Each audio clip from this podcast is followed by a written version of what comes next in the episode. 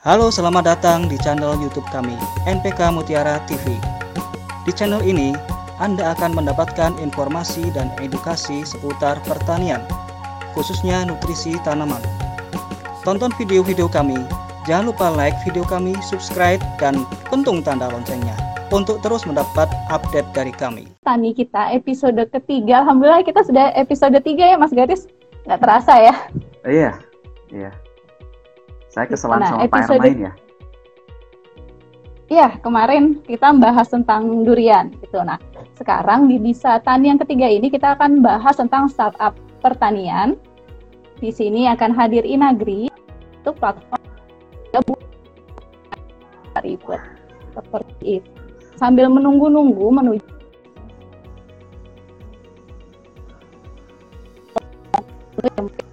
kalau dari Mas Garis nih melihatnya tren belanja online, tren bisnis uh, buah dan sayur online tuh gimana sih? Mungkin ada pandangan Mas? Terus sambil saya invite ya uh, Kang Jakanya. Mhm. Iya, trennya ya. Iya, trennya sih sebetulnya. eh, halo, Mbak, jelas ya suara saya, Iya, Mbak? Ya, jelas terdengar. Jelas ya. Iya. Kalau trennya sih, saya sih ngelihat ya di lapangan sih sebetulnya ya trennya ya ada, terutama sejak COVID kan, terutama sejak COVID. Ya, cuman kalau misalnya sampai eh, istilahnya booming banget sih gitu ya, belum juga gitu. Eh, Kang Jakanya udah ada nih. Ya, halo. Ya, jelas. Ada suara saya Oke. jelas? Ya, Jelas, terdengar. Suara jelas. saya jelas di situ, Kang? Jaka. Jelas kan? Kang Garis jelas. Hmm. Oke. Iya.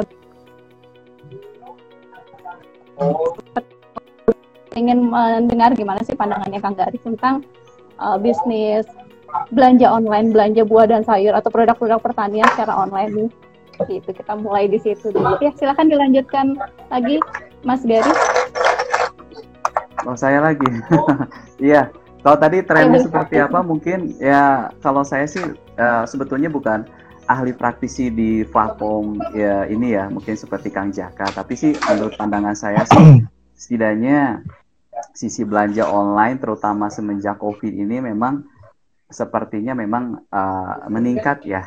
Lebih meningkat terutama sejak Covid tadi. Mungkin kan ada beberapa orang kan yang mungkin uh, pingin pingin bener-bener uh, jaga jarak gitu kan.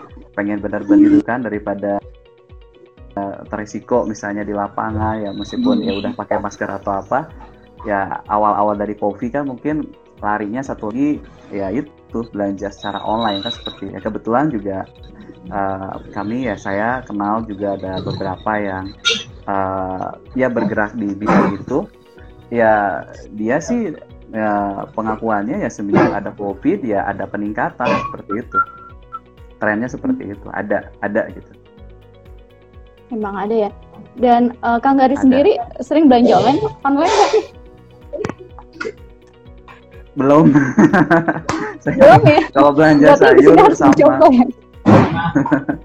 kalau belanja sayur sama buah sih saya kebetulan belum ya kalau secara online ya masih ya masih secara ini tapi ya mungkin eh, ke depan mungkin gitu mungkin bisa jadi apalagi kan kalau kalau belanja untuk rumah tangga biasanya eh, bagian ini apa istri. Saya sih lebih banyak di lapangan gitu kan taunya oh produknya udah jadi maksudnya tinggal makan seperti itu. Itu aja sih. Berarti habis ini harus mencoba langsung ya belanja online. Nah, boleh.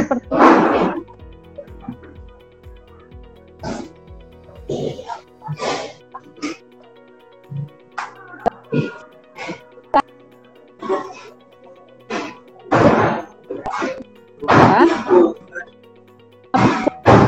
PT ini jurusan Agritama Teknologi ya. Uh, biasa ditapa Mas Jaka. Kabar Mas Jaka, alhamdulillah bisa bergabung ya sore ini. Iya, cuman agak putus-putus suaranya sebentar.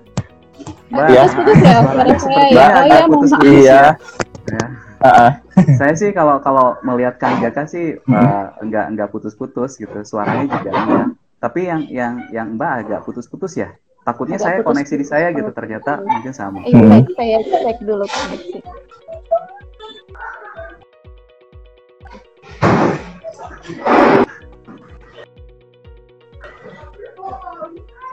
Iya. Ya, sambil eh, menunggu Mhm. saya mengecek koneksi, eh, boleh nih Kang Jaka, ini diceritakan lebih dulu ya, Inagri itu sebenarnya bagaimana sih, Eh, seperti apa? Awal pendiriannya tuh bagaimana? Kenapa? Awal eh, Mbak.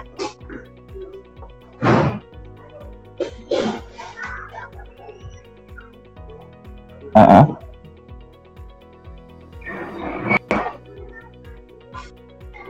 Ya, paling eh, lanjut aja paling ya. Saya langsung coba Silakan, iya, eh, bercerita aja. Gimana? iya silakan boleh diceritakan awal mula Iya, berdiri oh, iya. idenya seperti apa? Iya, iya paling eh, perkenalkan. eh, terima kasih pertanyaannya da- eh, dari dari majalah Agrina.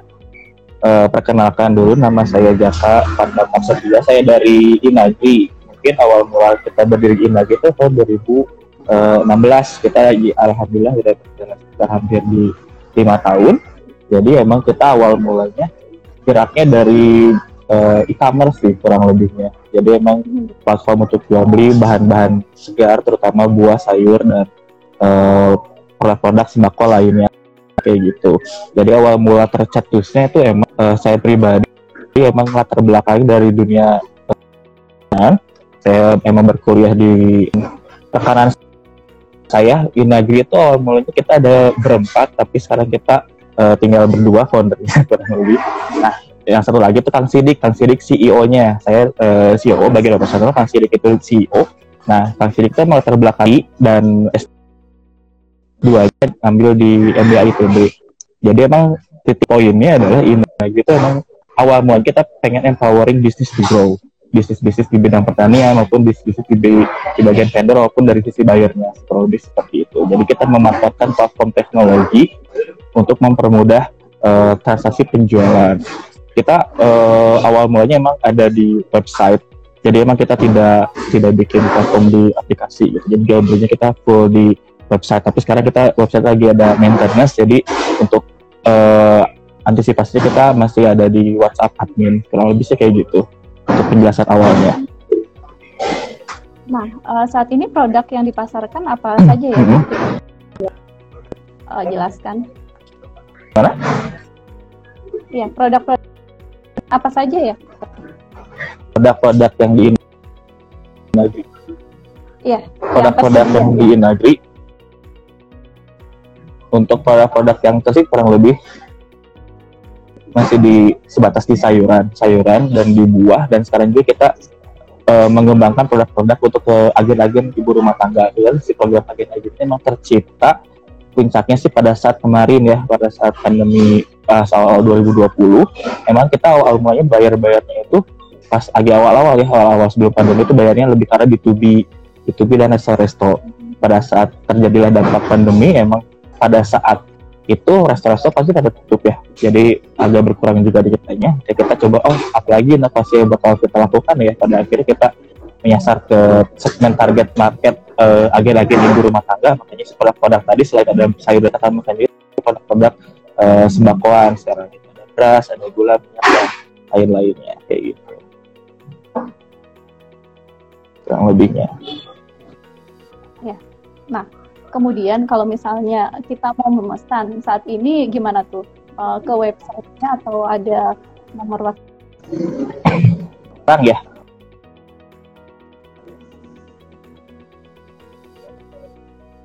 gimana? Iya, untuk pemesanan produk-produknya Oh ya, sekarang ini gimana caranya? Ah kalau untuk sekarang sih pe- pemasaran-pemasaran produk karena kita lagi geraknya juga ke agen-agen ibu rumah tangga ya segmen target market segmen pasar kita agak sedikit geser ke situ. Jadi yang kita eh, apa namanya kita coba engage itu lebih ke arah eh, admin sales. Jadi kita ada platform di WhatsApp juga sih kalau kayak gitu. Jadi untuk medianya sekarang Inagri website-nya tetap ada cuma kita coba agak geser juga ke arah media juga gitu. Kita lagi sedang garap juga untuk media di bagian di YouTube-nya untuk eh, mempromosikan eh, mitra-mitra kita juga kayak gitu jadi pemasaran tuh website tetap ada tapi sekarang kita coba eh, ramein dulu di WhatsApp untuk mempermudah habit ibu-ibunya sih kayak gitu tapi itu katalog-katalog juga kita sedang perbaiki di websitenya kayak gitu Ya, di sudah meliputi daerah. jadi kita mix gitu ada WhatsApp ada website gitu Heeh. Gimana? Jangkauan jangkauan pelayanan di saja yang sudah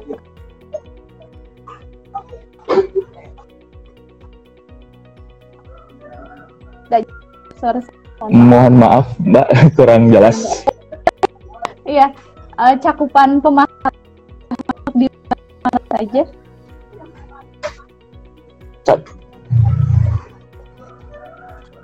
Cakupan pemasaran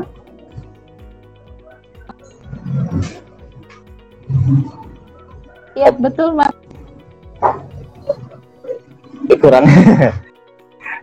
Kurang jelas pertanyaannya mbak. Mohon maaf. Paling kalau untuk Inagri sendiri untuk pemasarannya sih sekarang eh, ya pemasaran sendiri untuk Inagri masih di sekitar daerah Bandung untuk eh, agen-agen ibu rumah tangganya kayak gitu kurang lebih masih daerah Bandung. Kita juga sempat coba buka di Jakarta pada saat sebelum pandemi. Jadi pada saat pandemi itu kita coba eh, istirahat dulu. Tapi untuk Jakarta sempat kita mainin tuh pas awal pas tahun 2019 atau 2020-an gitu dengan dengan skema dengan konsep kita ada eh, ghost warehouse di sana di daerah Jakarta Timur. Ada gudang bayangan lah gitu di daerah-daerah Jakarta Timur. Jadi itu kita mencakup da- mencakup eh, pangsa pasar eh, rumah tangga juga sama ada B2B juga sih di Jakarta waktu itu tahun 2020 eh sorry 2019 kalau 2020-an sebelum pandemi Hmm, Oke, ya. cakupannya Ah. Kemudian, eh, Mas Jaka, nah, kalau untuk suppliernya, untuk pemilihan produk buah dan sayurnya itu seperti apa ya? kalau untuk supplier ya berarti bukan barang itu supplier Iya. sendiri sih eh, pemilihannya kita yang pasti eh, dari apa ya dari personalnya dulu dari personal dari trainya dulu seperti apa eh, barangnya seperti apa apakah sesuai dengan spek yang kita eh, butuhkan gitu. Jadi kadang kan kalau untuk supplier emang pada akhirnya kita ngelihat oh ini misalkan ya suppliernya apakah eh, bisa dengan kita punya spek gitu, ketentuan kayak gitu. Untuk yang supplier sama dia bisa eh, amanah dan tanggung jawab dengan produknya gitu dengan eh, ketentuan yang kita pengenin sih kayak gitu kurang lebih untuk masalah si suppliernya Biasanya, jadi nggak ada yang kriteria kalau- gimana gimana sih sebenarnya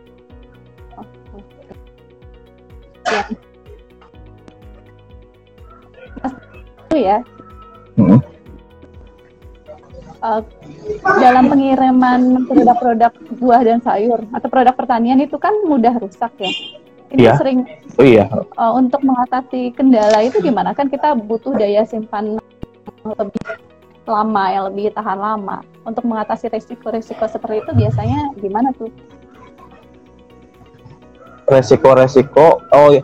oh karena produk-produk pertanian ya produk-produk pertanian itu pasti eh, lifetime-nya kan cepet ya jadi nggak bukan seperti barang-barang manufaktur yang benda mati gitu ya yang mungkin dia bisa di stok dalam jangka waktu yang lama gitu bertahun-tahun. Sedangkan tuh produk-produk di sayur dan buah dia ada masa hidupnya gitu masa segernya gitu ya. Paling banter-banter dia kuat di dua tiga hari paling lama mungkin untuk yang buah bisa ya paling lama juga tidak sampai berbulan-bulan gitu ya untuk buah-buah segar ya. Paling untuk masalah menanggulangi hal tersebut kita awalnya ada eh, open PO dulu sih sebenarnya awal-awal. Jadi kita udah pastikan dulu PO-nya dan mungkin habit-habit dari eh, pembeli seperti apa. Jadi untuk minimalisir kita datanya juga kurang lebih seperti itu. Jadi ya kita tahu sendiri untuk menanggulangi uh, resiko di lapangan, resiko produk-produk busuk karena kita juga sempat mengalami lah mengalami di mana uh, bukan gagal panen ini pada saat kita kirim ternyata barangnya tidak sesuai spek dan itu busuk. Pada akhirnya kita gua sempat ngalamin tahun 2017 2018 kita rugi lumayan besar di situ pada situ oh, kita lihat oh emang pada akhirnya kita sesuaikan dulu nih uh, spek yang dibutuhkan sama bayarnya dan juga kuantiti yang bakal kita kerjasamakan dengan mitra-mitra kita lebih seperti itu. Jadi emang bermain di sisi purchase ordernya, di preventifnya, sama mungkin di data kebutuhan dari uh, bayarnya sih kayak gitu. Ya, uh, baiklah. Kemudian kita akan uh, menuju ke Mas Garis. Ya, Mas hmm, Garis. Boleh, Mbak. Ini terkait tadi Mas Garis, uh, kan hmm. daya simpan itu sangat penting ya bagi para bagi distribusi produk-produk pertanian. Kalau dari sisi budidaya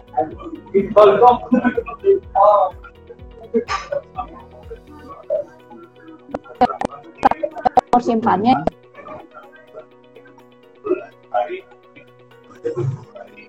Ya, nah, jelas hmm. nggak, Mas? Uh, boleh diulang, Mbak? Iya. Mohon maaf. Jadi kalau dari sisi ya. dari sisi budidaya, ada nggak sih cara-cara budidaya yang bisa menghasilkan produk yang berkualitas dengan uh, umur panjang atau lebih kuatlah masa lainnya? Umur, ya. Uh, mungkin kalau misalnya untuk uh, kualitas ya terutama misalnya kalau misalnya kita bicara mengenai uh, seperti sayuran ya baik itu sayuran buah ataupun sayuran daun ataupun ya produk-produk pertanian lainnya. Ya kalau misalnya memang kualitasnya ini baik dari kuantitas panen maupun kualitasnya pengen baik ya tentu ya dari uh, sisi nutrisi memang harus terpenuhi ya. Semua unsur nutrisi itu harus terpenuhi ya pernah kan kita bahas dulu di uh, apa bisa tani uh, episode 1 saya sempat menyampaikan itu kan ada beberapa unsur hara yang harus dipenuhi. Ya baik unsur hara makronya ataupun unsur hara mikro. Di unsur hara makro kita harus uh, penuhi ya kandungan nitrogennya fosfatnya uh, kaliumnya kalsiumnya uh, dan ya sulfur. Nanti di unsur hara mikronya ya seperti zat besi uh, mangan, seng, tembaga, boron, molybdenum itu semua harus dipenuhi. Jadi kalau misalnya itu semua terpenuhi dengan catatan ya semua unsur hara tersebut tersedia dalam uh, apa ya uh, kebutuhan yang seimbang ya diberikan secara seimbang bukan banyak-banyakan itu sempat saya singgung ya sesuai misalnya disesuaikan dengan eh, fase pertumbuhan tanaman dengan target tanaman ya tentu akan menghasilkan uh, kualitas uh, produk yang baik. Nah, tapi kalau misalnya lebih fokus misalnya kalau ke uh, daya simpan misalnya ke save life atau daya simpan uh, supaya lebih tahan lama ya ada beberapa unsur hara yang lebih menjorok gitu fungsinya ke arah situ. Terutama adalah yang pertama adalah kalsium ya, kemudian adalah ada kalium di makronya, Kemudian di unsur hara mikronya ada uh, zat besi dengan seng ya, yang harus tercukupi. Nah itu yang kurang lebih wajib lah. Tapi yang sangat wajib sekali adalah kalsium ya, karena kalsium ini dia salah satu fungsinya adalah sebagai uh, tebal dinding sel ya.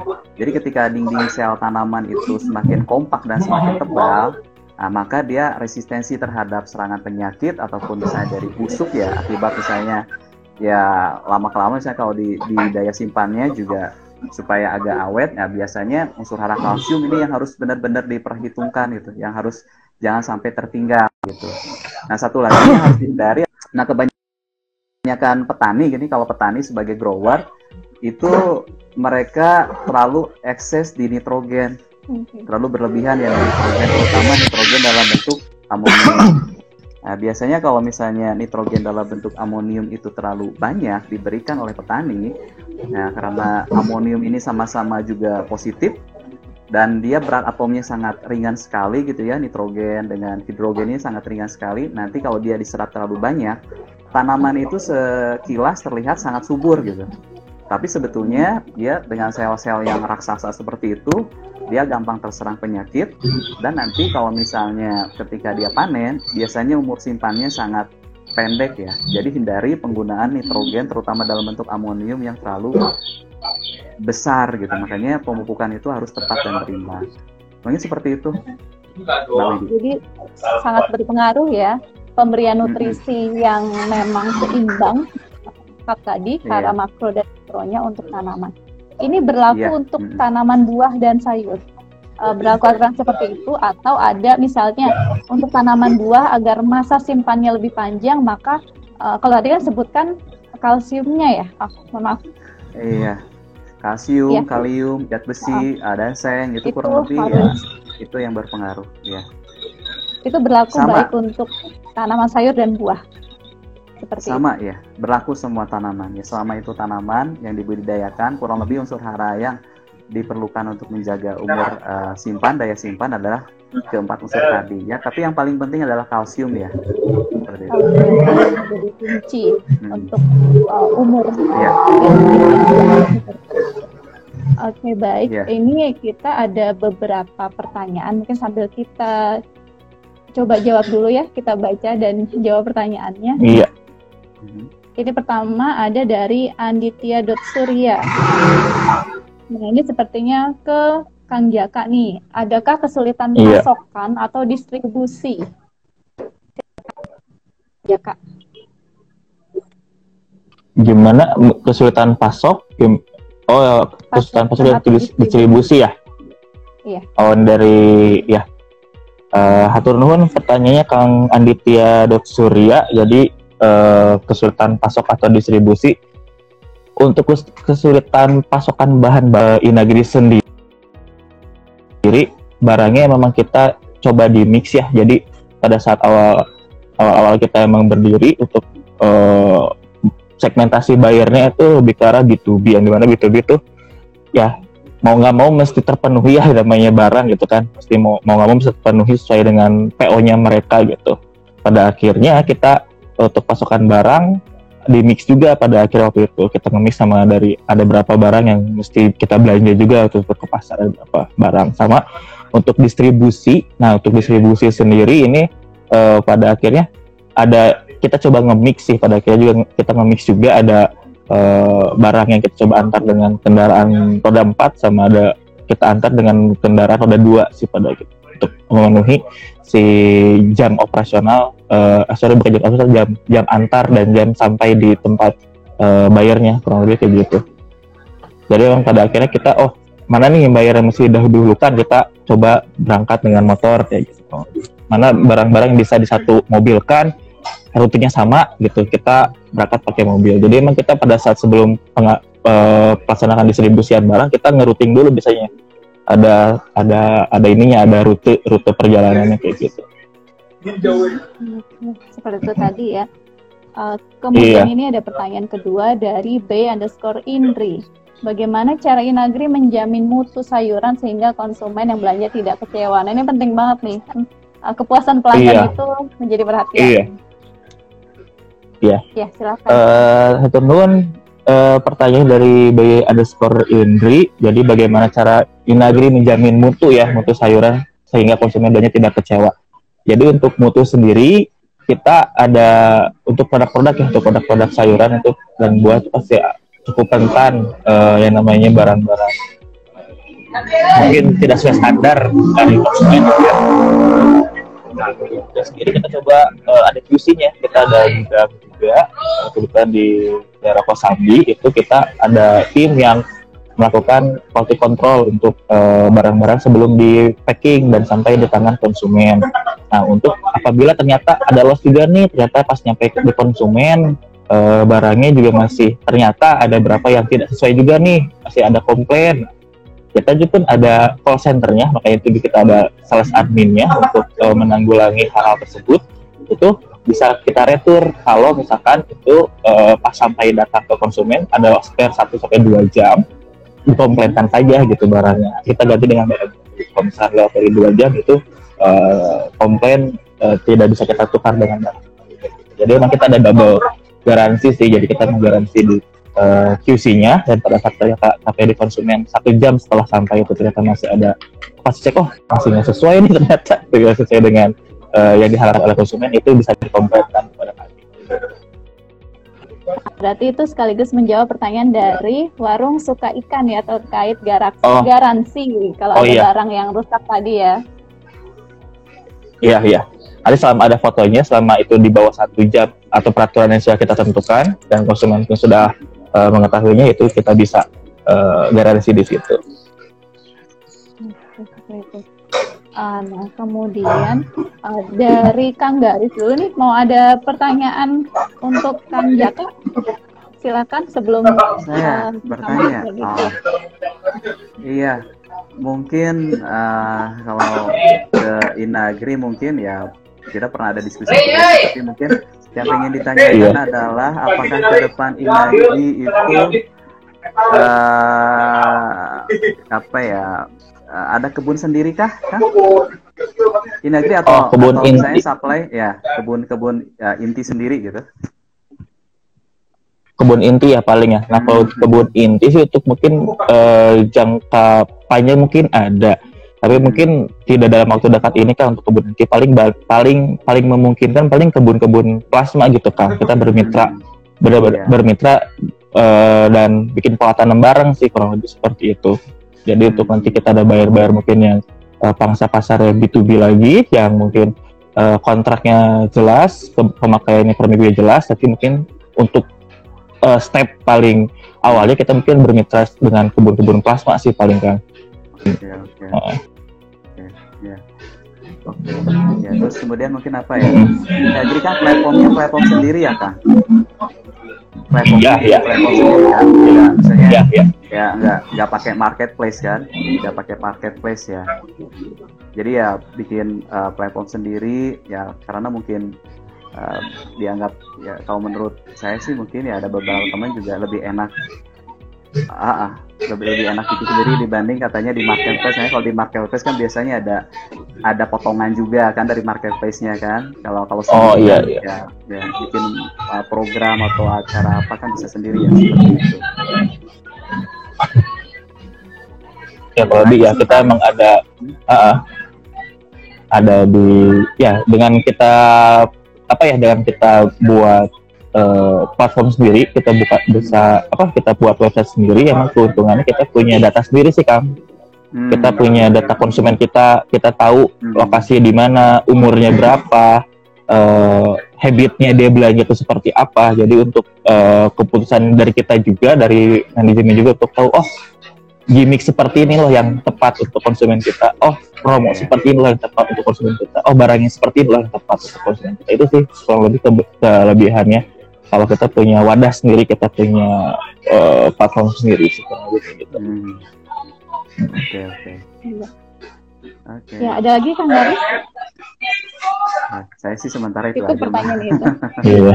nah sekarang saya mau nanya yang terakhir nih untuk Kang Jaka terkait supplier. Iya. Gimana sih caranya kalau mau jadi mitra dari petani mau jadi mitranya Inagri?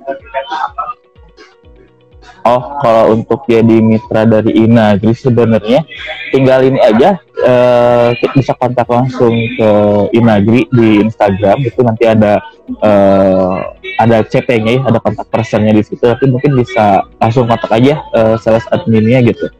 Untuk kalau misalkan ada lahan atau misalkan ada panenan gitu yang mungkin kita bisa kerjasamakan bisa langsung kontak aja dulu sementara ke admin dulu selama kita lagi benerin websitenya sini.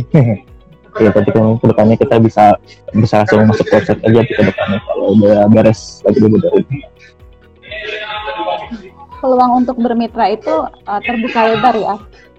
Dari masih ini. ya enggak enggak Ya, baik. Kalau gitu tadi sahabat Agrina, itu tadi ya bincang-bincang kita nih yang menarik dengan Kang Jaka dan Kang Garis tentang platform uh, bisnis sayur dan buah secara online. Ya gimana? Ada pertanyaan tuh, masih ada pertanyaan ya? Dari oh, ya, ini... para Iya. Eh, hmm. menghilang sebentar. Oh, hilang.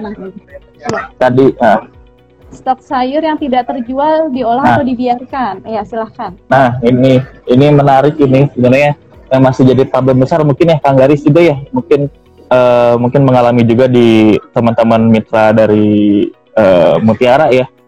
Hmm. Pasti problem terbesar adalah si waste atau barang sisa dari hasil uh, mungkin barang reject di kebun uh, ya mungkin barang di kebun mungkin barang reject di gudangnya mereka pada saat sortir mungkin pada saat udah sampai di konsumen pun pasti ada kadang-kadang suka ada reject gitu kan. Kadang-kadang ke mana sih si barang sisanya gitu kan.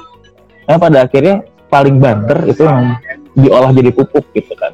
Cuman ini kita juga lagi coba ngulik lagi coba ngulik untuk mengembangkan selain jadi pupuk jadi apa lagi ya? Apakah bisa diolah jadi satu hal yang lebih eh, apa lebih punya nilai jual lebih tinggi gitu kan? Lagi coba ngulik juga mungkin ada beberapa teknologi yang teman-teman yang gerak di lava maggot itu dia lagi mengolah-ngolah limbah gitu. Mungkin bisa juga kita coba arahin ke situ gitu. Jadi emang selama ini emang untuk limbah-limbah yang tidak terjual ya paling paling paling dijadikan pupuk sih se se sepengalaman kami gitu kan. Emang dari limbah diolah balik lagi ke, ke kebun gitu mungkin di pengalaman Kang Garis ada satu hal yang beda atau ada insight lain di di teman-teman di kebun Iya, kalau uh, ya misalnya kalau bicara misalnya petani lah umumnya ya pada umumnya misalnya kan kebanyakan yang kami tahu itu bergeraknya secara konvensional ya kan. Ya misalnya iya. anggaplah petani uh, misalnya cabe gitu kan, ya seorang petani cabe misalnya dia kan ya kalau misalnya dia jual biasanya dia ada sortir dulu tuh sendiri tuh grade A, grade B yeah. atau grade A gitu kan. Nah meskipun sih kalau kalau yang tidak tidak tidak masuk grade ya mereka olah lah bisa, bisa di rumah kan bisa bikin apa kan sambal atau apa kan terserah gitu kan kalau kalau kalau petani ya. tapi kalau misalnya yang jadi masalah biasanya kalau kalau ini secara konvensional ya kadang mereka misalnya kasih ke bandar gitu kan dari bandar misalnya kasih ke pasar kan ternyata di pasar ada ada sortir lagi nah biasanya ketika misalnya anggap hasil ta hasil panennya misalkan 100 kilo tiba-tiba disortir lagi jadi 80 kilo. Nah yang jadi masalahnya yang 20 kilo ini sebetulnya nggak pernah balik ke petani. Kalau secara konvensional ya seperti itu. Jadi tiba-tiba petani hanya terima nota ya dibeli misalnya ya dia nyetorin 100 kilo ya tiba-tiba yang masuk disortir di sana di pasar cuma 80 nah, yang dapat yang 20 kilonya ke mana kan gitu cuman sortir aja ya udah. Tapi karena namanya bisnis ya saling percaya ya seperti itu. Itu aja sih kalau misalnya perbedaannya antara pasar ya ya konvensional ada yang ya pasar yang mungkin kayak uh, yang lebih modern seperti itu. Itu aja sih paling saya banyakannya lihat kasus seperti itu. Kebetulan kalau kalau di sisi di sisi uh, penjualan secara secara online atau ya dengan platform seperti ini ya saya hanya sebagai pemerhati saja. Belum sebagai uh, praktisi jadi kurang kurang iya. mengikuti yeah. uh, permainannya atau uh, tata cara seperti apa. Tapi mungkin seperti yang Kang Jaka sebutkan itu udah cukup menjelaskan. Mungkin menurut saya seperti itu. Ya kemudian nih masih uh, pertanyaan dari Karaf Gaming juga. Ini untuk ke Inagri lagi. Bisa ditukar nggak kalau belanjanya ternyata tidak sesuai pesanan eh, eh, eh, dari Kang Karaf ini dari Karaf Gaming ya? Bisa ditukar kalau gadget tidak tidak sesuai pesanan. Oh misalkan eh, Kang ini yang dari Karaf Gaming bisa misalkan pesan tomat gitu ya yang datangnya cabe misalkan gitu ya. Yeah. ya itu selama bisa bisa itu masih bisa. Jadi masuk garansi kami gitu garansi dari kami kalau misalnya ada kehilafan di pengantaran gitu ya. Selama itu diinformasikan ke ke apa namanya ke sales kami ke admin kami. Ya, jadi bisa ya hmm. untuk iya, tadi apabila iya. terjadi kerusakan, salah pesan, iya. apa hmm. keliru barangnya yang datang, jadi jangan iya. khawatir, bisa kita tukar. Ya, seperti ya, itu. Ya, baik. Kemudian kita sudah sampai di seluruh pertanyaan. Alhamdulillah sudah terjawab. Nah, hmm. ini seperti biasa yeah. akan ada door prize juga bagi pertanyaan yang terbaik. Ini akan saya pilih dari beberapa pertanyaan yang sudah masuk tadi. Ini salah satunya pemenang pertama adalah uh, Karaf.gaming. Selamat untuk menerima door prize yang pertama. Kemudian ini ada yang kedua, uh, ada warung suka ikan tadi yang sudah bertanya. Itu tadi yang sudah bertanya juga terkait uh, ini garansi. Warung suka ikan itu pemenang yang kedua. ada tiga door prize ya dan yang ketiga adalah penanya pertama. Tadi penanya pertama kita siapa? Anditya Surya tadi ya. Selamat kepada uh, tiga pemenang door prize kita di sore hari ini nanti silakan hubungi uh, DM ke Instagram majalah underscore Agrina untuk mengirimkan nama lengkap, nomor handphone dan alamatnya. Hmm. Selamat untuk para penang sekali lagi. Ya, dan uh, kita sudah tiba nih ke penghujung bincang-bincang sore di Satani episode ketiga yang pada sore hari ini bersama dengan Kang Jaka dan Kang Garis. Menarik sekali informasi yang sudah di-share. Mungkin yeah. mau ada sama ada ini uh, kalimat penutup dari Kang Jaka maupun Kang Garis. Silakan Kang Jaka lebih dulu. Kalimat penutup paling uh, apa paling kurang lebih pengen penutupnya ya masih bikin pesan-pesan apa gitu uh, paling untuk yang ini paling untuk teman-teman kalau misalkan ingin uh, mungkin uh, sampai pasarnya lebih ini ya mungkin yang pengen berbisnis juga mungkin ya mungkin kalau teman-teman yang pengen berbisnis gitu pengen ada mulai bisnis di bidang pertanian juga ya mungkin lebih apa namanya dimulai saja gitu dimulai saja untuk uh, program bisnisnya nanti mungkin sambil berjalan juga kita bisa sharing-sharing sih. Pada akhirnya kan kalau bisnis tidak dijalankan juga tidak akan mulai-mulai juga gitu. Jadi mungkin mulai dulu saja, nanti di tengah perjalanan kita sambil sharing-sharing dan temukan mentor yang tepat sih paling kayak gitu. Dan untuk dunia pertanian ya itu tadi emang sangat penting juga tuh pertanyaan yang waste management ya. Emang problem terbesar emang uh, limbah ya di limbah. Mungkin kita coba kembangkan juga untuk metode dan uh, pengolah limbah yang baik sehingga meningkatkan juga nilai tambah kepada petani kayak gitu. Oke, ya itu ya, itu kurang lebihnya. Uh, iya. Ya, kemudian Kang Garis silahkan kalimat penutupnya atau pesan-pesan apa nih yang mau disampaikan? Uh, kalau saya sih mungkin ya ke Inagri pertama hmm. ya semoga uh, hmm. sukses kan ya semoga semakin uh, yeah. luas juga ya mitranya juga ya usahanya juga makin luas jadi tidak hanya di Jawa Barat atau di Bandung lah. Ya nanti bisa ekspansi Amin. kan ke ke ke uh, kabupaten-kabupaten lainnya atau provinsi lainnya juga.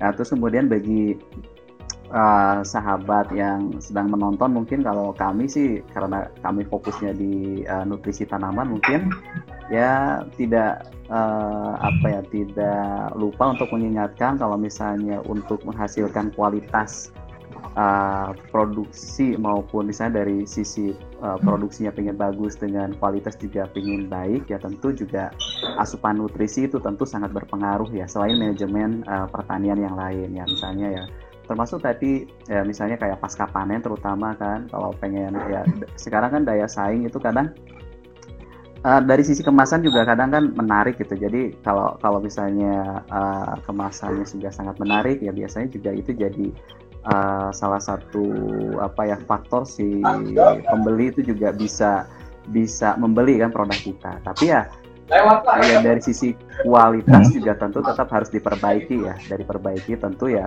tadi ya, kalau kami dari untuk ke growernya untuk ingatkan ya penuhi asupan nutrisinya ya kebanyakannya sih secara konvensional uh, pertanian itu petani-petani itu hanya fokus ke tiga unsur hara aja. Hanya nitrogen, fosfat, kalium udah aja. Ya unsur-unsur hara yang lain seperti kalsium, magnesium, sulfur ya apalagi mikro itu jarang sekali diberikan. Sehingga ketika ada beberapa unsur hara yang tidak diberikan itu tentu akan menjadi faktor pembatas yang lainnya. Seperti itu. Mungkin itu aja sih iya, mbak. baik. Ya, terima kasih banyak Kang Garis, Kang Jaka atas bincang sore Sama-sama. sore hari ini. Kita insya Allah jumpa lagi ya di bincang-bincang di Satani berikutnya. Iya. Yeah. Amin, insya Allah. Semoga sukses untuk semuanya, baik untuk Merauke, Amin. dan juga Amin. untuk Adrina dan para uh, pemirsa live IG saat ini di sore hari ini. Kalau gitu saya tutup. Mohon maaf apabila ada uh, kendala jaringan, kesalahan kata atau apa pun yang bikin kurang nyaman. Insya Allah jumpa lagi di episode berikutnya. Nantikan pengumumannya, simak terus informasinya karena akan ada uh, cerita-cerita menarik lagi dari para pelaku usaha lainnya. Gitu. Baiklah, kalau gitu saya tutup. Assalamualaikum warahmatullahi wabarakatuh. Jumpa lagi. Yo, terima kasih Kang Garis, teh Majalah Agrina, ya, ya, nun. Nuhun. Ya.